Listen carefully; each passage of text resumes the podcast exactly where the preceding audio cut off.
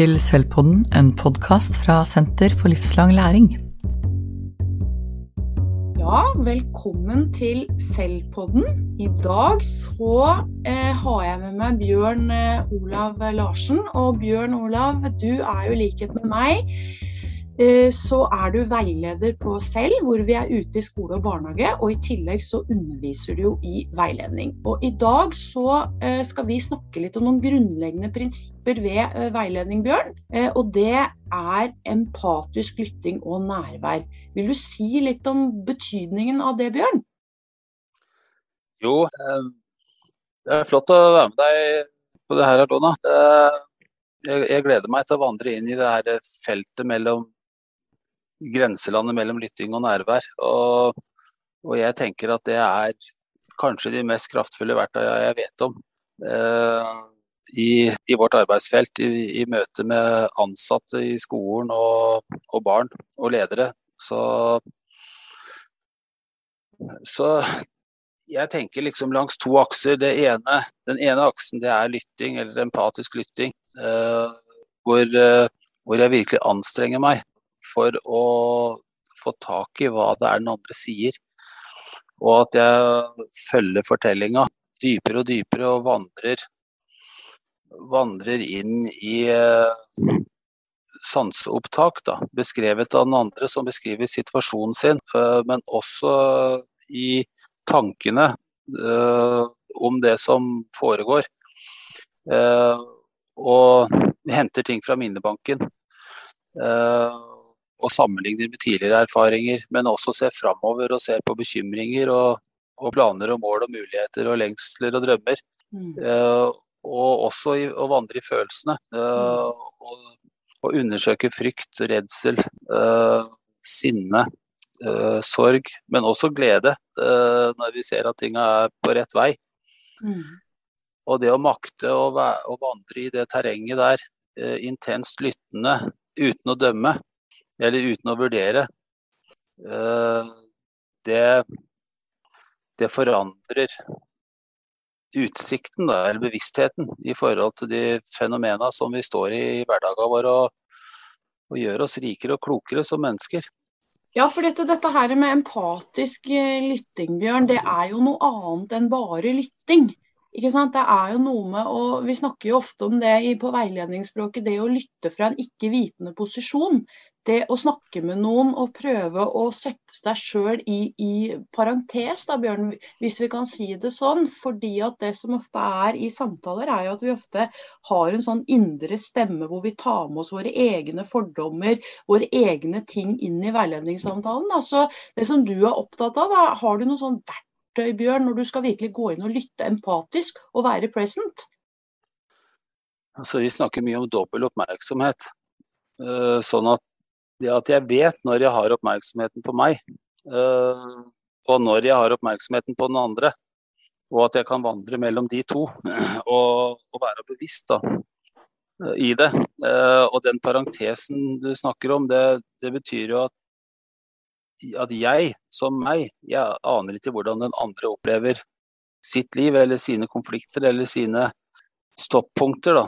Så så jeg velger, før jeg går inn i den prosessen, uh, at jeg vil være ikke-vitende og gå i lære da, hos den andre. Mm. Og så kommer jo mine tanker og erfaringer og opplevelser opp mens jeg lytter, og da, da er det viktig at jeg vet at det her kommer fra meg. Mm. Uh, og mens den andre er intenst fordypa i sin egen fortelling og har bevissthet til å fortsette fortellinga, så tilfører jeg ikke noe fra meg. Da, da, blir jeg bare med videre og videre innover så lenge fortellinga rekker. Ja, og da er det jo litt dette vi snakker om på veiledningsspråket med å prøve å stille noen åpne spørsmål. Eh, som jo er veldig kraftfulle i seg selv. Altså det å åpne for den andres fortelling, som du sier, og bli med dem på en ikke-vurderende vandring. Ja, vi trenger spørsmål. Og jeg finner òg speiling som et veldig godt lytteverktøy. Fordi at alle setninger som et annet menneske sier, inneholder et ord som er mye viktigere enn alle de andre orda. Og det er, det er, ofte det ordet som peker, til, peker, mot meg selv. Så jeg ble sint når han øh, sa at det her ikke passa. Så kan jeg ofte finne meg sjøl i å speile sint. Aha, du ble sint. Kan du si litt mer om det? Sånn at det og, og, der er vi jo litt forskjellig skrudd sammen, for vi, vi plukker ut forskjellige ord. Mm. Uh, og det ordet vi plukker ut, uh, det er ikke så avgjørende hvilket ord vi plukker, bare det ordet peker tilbake på den som snakker. Og så sier du en veldig interessant ting også, fordi at når vi speiler tilbake nøkkelord, da, så kan vi jo både bli bedre kjent med den personen og hva den legger i i ordet sint, f.eks. For, eksempel. for det er også interessant at vi legger jo ulike konnotasjoner i ord.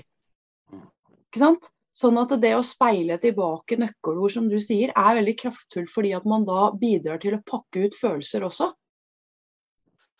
Ja, og, og jeg ser jo på alle følelser som konstruktiv livsnavigasjon.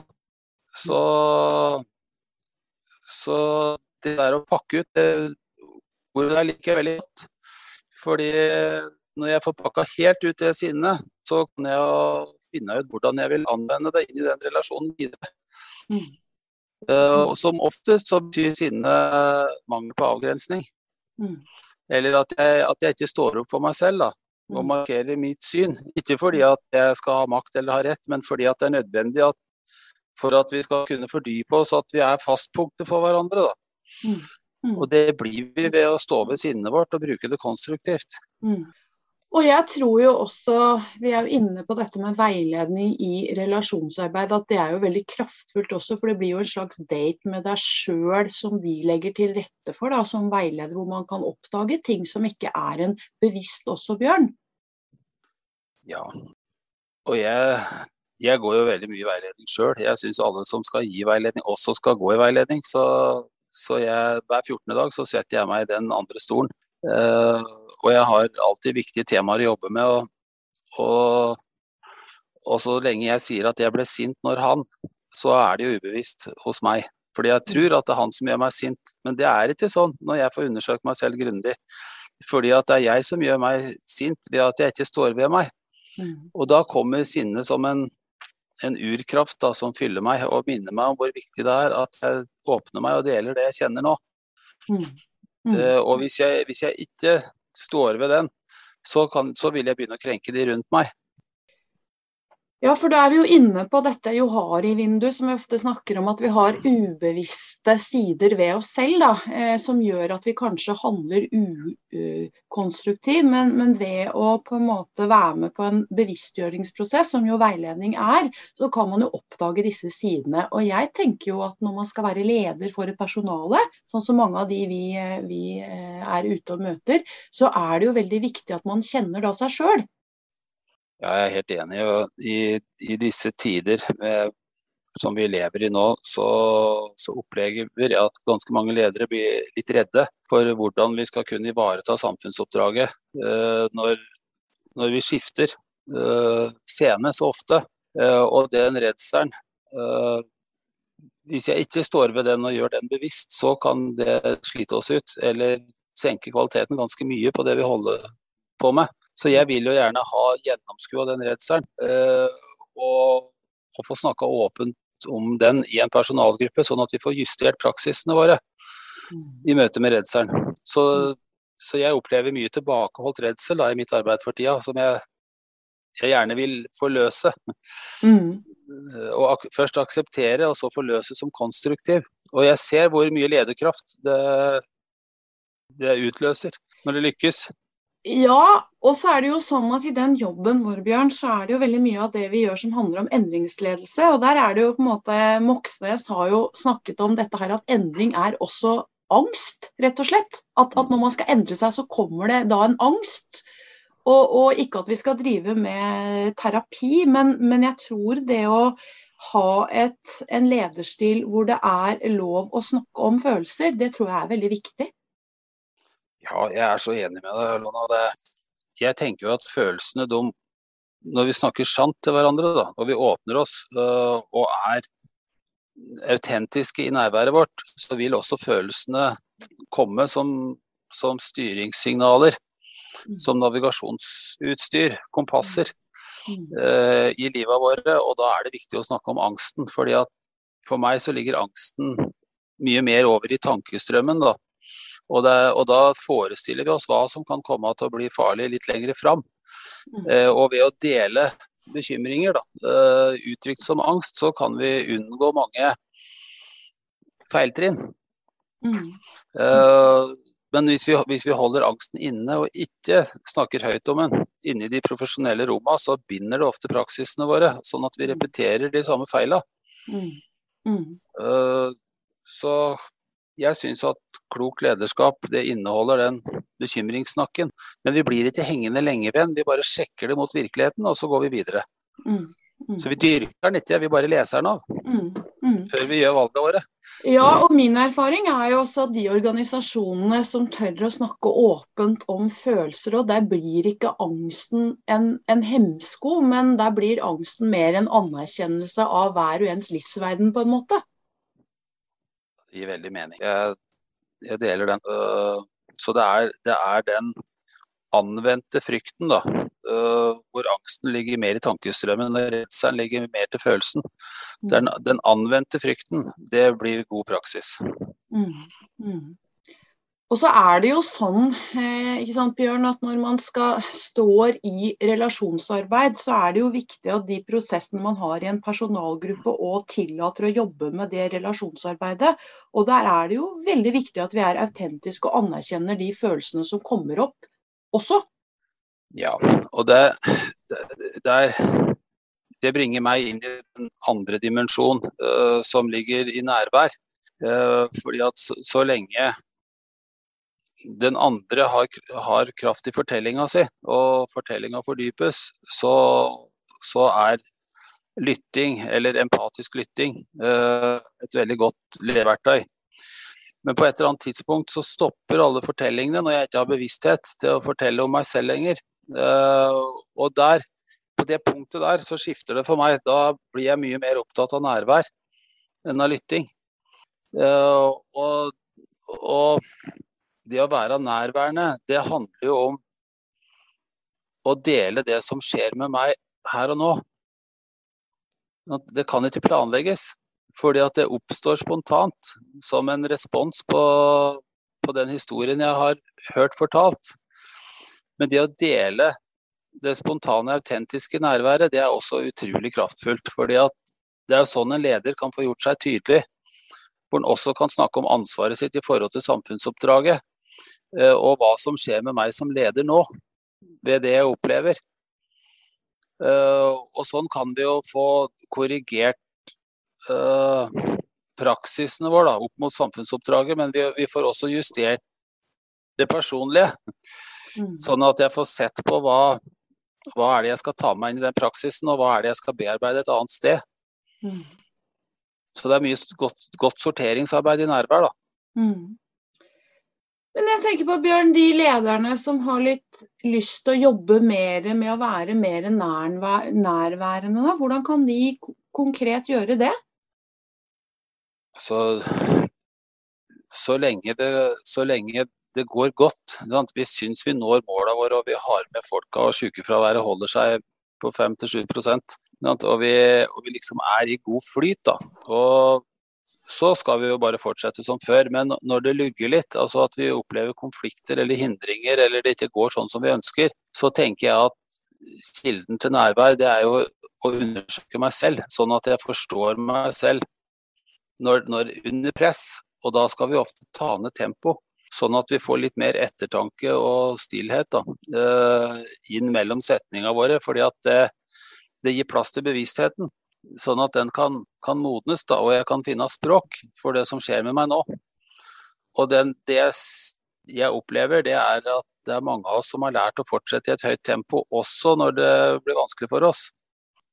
ja, kanskje det, kanskje det til og med går enda fortere da, Bjørn. fordi da er man kanskje litt redd for å ta det inn over seg også. ikke sant? At det er en sånn angst òg. fordi vi har jo snakket om det at vi har jo mye flinke folk rundt omkring. Og vi lever jo i et samfunn hvor det er mye resultatstyring og, og, og den derre ha det behovet for å være flink. Og, og, da er det kanskje litt skummelt å stoppe ved det man opplever som vanskelig også? jeg, jeg deler det synspunktet der. og det, jeg, Vi skal vurdere faglige prestasjoner eh, som riktig eller feil. Eh, og når vi jobber med metodikk eller fagspesifikke ting, så kan vi sette to streker under svaret. og Der er det viktig at vi gjør vurderinger av måloppnåelse. Men vi snakker også om en annen dimensjon i dag, eh, som handler om bevissthet. Så det der å vurdere min egen eksistens som riktig eller feil, det er problematisk. Da kan jeg få stress. fordi det, det handler mye mer om å akseptere tankene og følelsene sånn som de er hos meg akkurat nå, og så trenge inn i det og pakke dem ut. Sånn at jeg kan finne klokskap, da, eller visdom. Eh, fronesis, som Aristoteles hadde kalt det. Mm. Eh, inn i livsvalgene mine. Og ledere, spesielt skoleledere som jeg møter nå for tida, og skoleeiere, er, er ganske pressa. Uh, med, med, skiftende fargekoder og, og elever med, med, store behov. Så vi trenger den tempovekslinga for å få dratt ned tempoet, ellers så mister jeg nærværet mitt. Og, og, det gjør at arbeidet mitt også blir mindre effektivt når jeg mister nærværet mitt. Ja, og jeg tror det der er også veldig viktig. Dette, da er vi inne på dette med selvledelse også. At det er jo prinsipper fra veiledning, fra samtaleferdigheter som man kan bruke for å lede da, da seg selv. Eh, og jeg tenker at dette som mange også kunne jobbe litt med, er jo å ha en ikke-dømmende holdning til seg selv. Det, det er en kjemperessurs å greie det. Altså å tenke at nå, nå, er jeg sint. Og det er helt sikkert en god grunn til at jeg er sint, jeg har bare ikke oppdaga det helt enda, så nå setter jeg meg her og undersøker litt sammen med dere jeg, hva kan være kilden til at jeg er så sint. Og jo, det er jo fordi at jeg ser at praksisene våre ikke treffer i forhold til det som er oppdraget vårt. Mm. Uh, og det er konstruktivt. Uh, det sinnet får meg til å stoppe opp, det får meg til å bli tydeligere, mer nærværende, og at vi får den samtalen her som vi mm. kan bruke til å justere oss i. Mm. Men hvis, hvis, jeg, hvis, jeg, tenker at sinnet mitt er feil, eller jeg fordømmer meg selv fordi at jeg er sint, så jeg, går jeg glipp av den muligheten. Jeg får ikke det stoppunktet som vi kan justere oss i. Mm. Nei, og der tror jeg du er inne på noe veldig viktig nå, er jo at følelser er et navigasjonspunkt også, som man skal ta på alvor. Så når man på en måte, hvis det er en la oss si det er i klasserommet og det er en elev som irriterer deg, eller et eller annet, så er det noe med å undersøke hva er det som gjør at det blir sånn er, kan jeg bruke det til noe på en måte konstruktivt også, tror jeg. Og det kan jo være positive følelser også, men, men, det å tørre å stoppe da ved følelsene. Men da er det jo også litt sånn bekymringsfullt, da, Bjørn, som en som heter Mette Helleve har løftet fram, at det er ikke, vi har ikke et veldig godt språk for å beskrive emosjonene våre.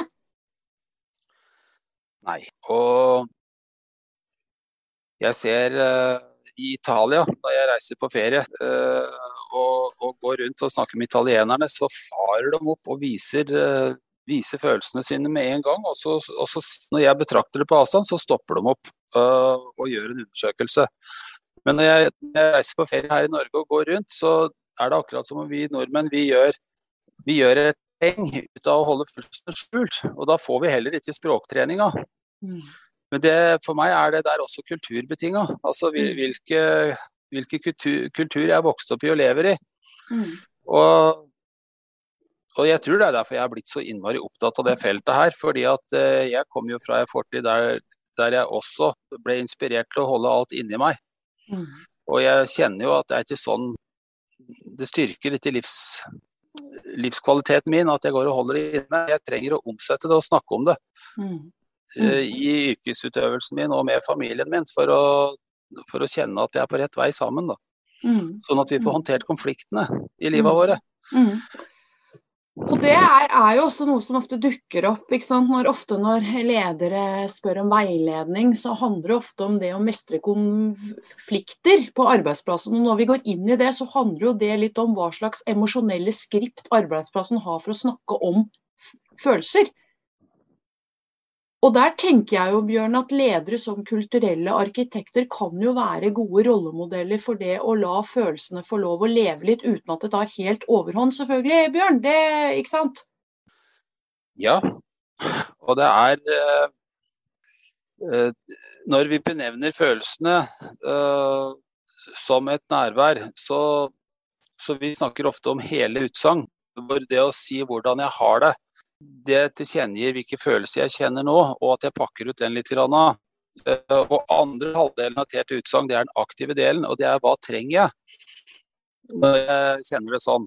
Eh, og det, det jeg ser mange ledere bli slitne av, det er at følelsene kommer som passive utsagn, og ikke som aktive hele utsagn. Og Eh, og, og da blir vi trekkes energien ut av et arbeidsfellesskap. Så jeg tenker jo at det er en leders ansvar først ta, å ta imot følelsen, og så få på den aktive halvdelen av utsagnet.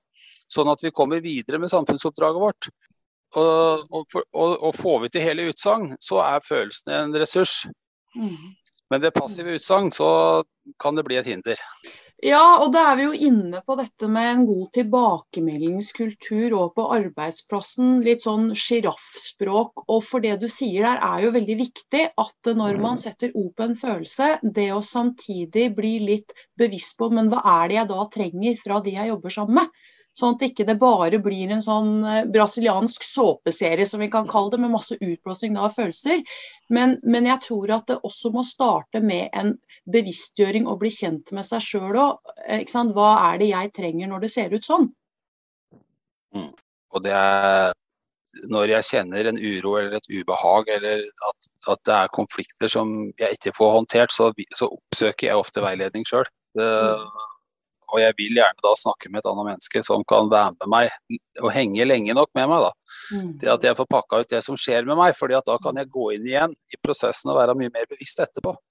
Mm. Så, ja. Og nå tar, sier du på en måte nøkkelordet, for det å henge lenge nok med meg, det er jo også det det her handler om. At vi må ha tid til de, de litt rolige samtalene også i en organisasjon.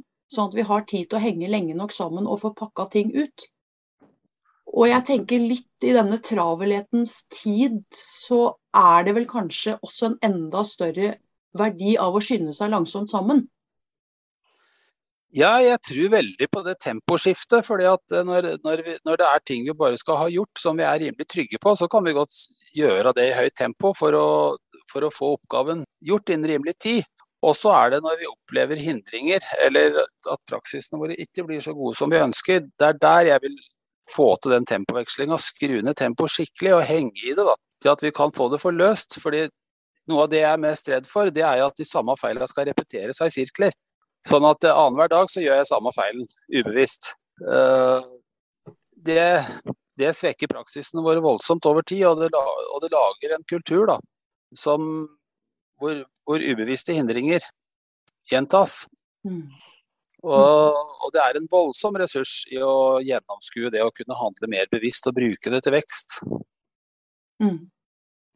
Ja, og da er du jo inne på sånn dobbeltkretslæring, ikke sant? Også det å skape en kultur hvor man dveler ved noe og går dypt nok inn i det til at det på en måte fester seg, og ikke bare haster videre, da. Ja, det er det. Og, det, og det er, jeg er veldig glad i det er Roy Baskar som er, uh, har lagd uh, kritisk realisme som vitenskapsfilosofi, som snakker om co-presence. Uh, og det er jo når, når én i en personalgruppe får til ekte nærvær rundt de problemstillingene vi støter inn i, så, og, og vi, vi, får stoppa opp og hengt litt i det, så, så får vi muligheten både til presence, nærvær, og co-presence som følger etter at én har vært nærværende. Fordi at når en leder er nærværende, så får personalet muligheten til å bli nærværende etterpå.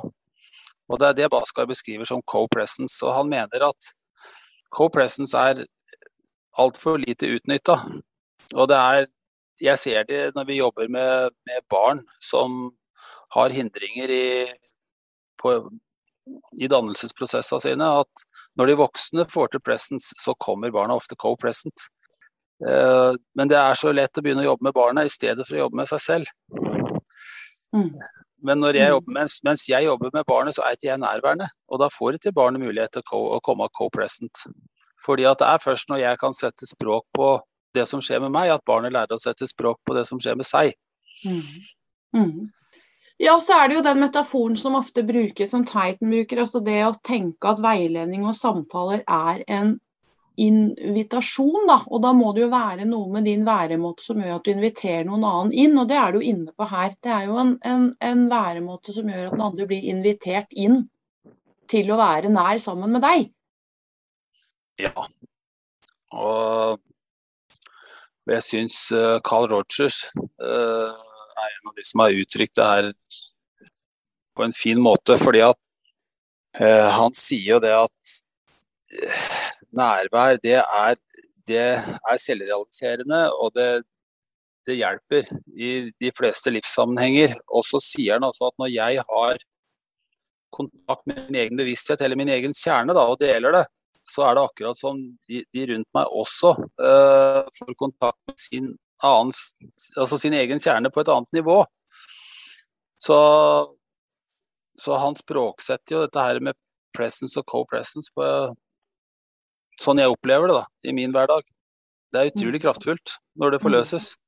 Mm. Mm.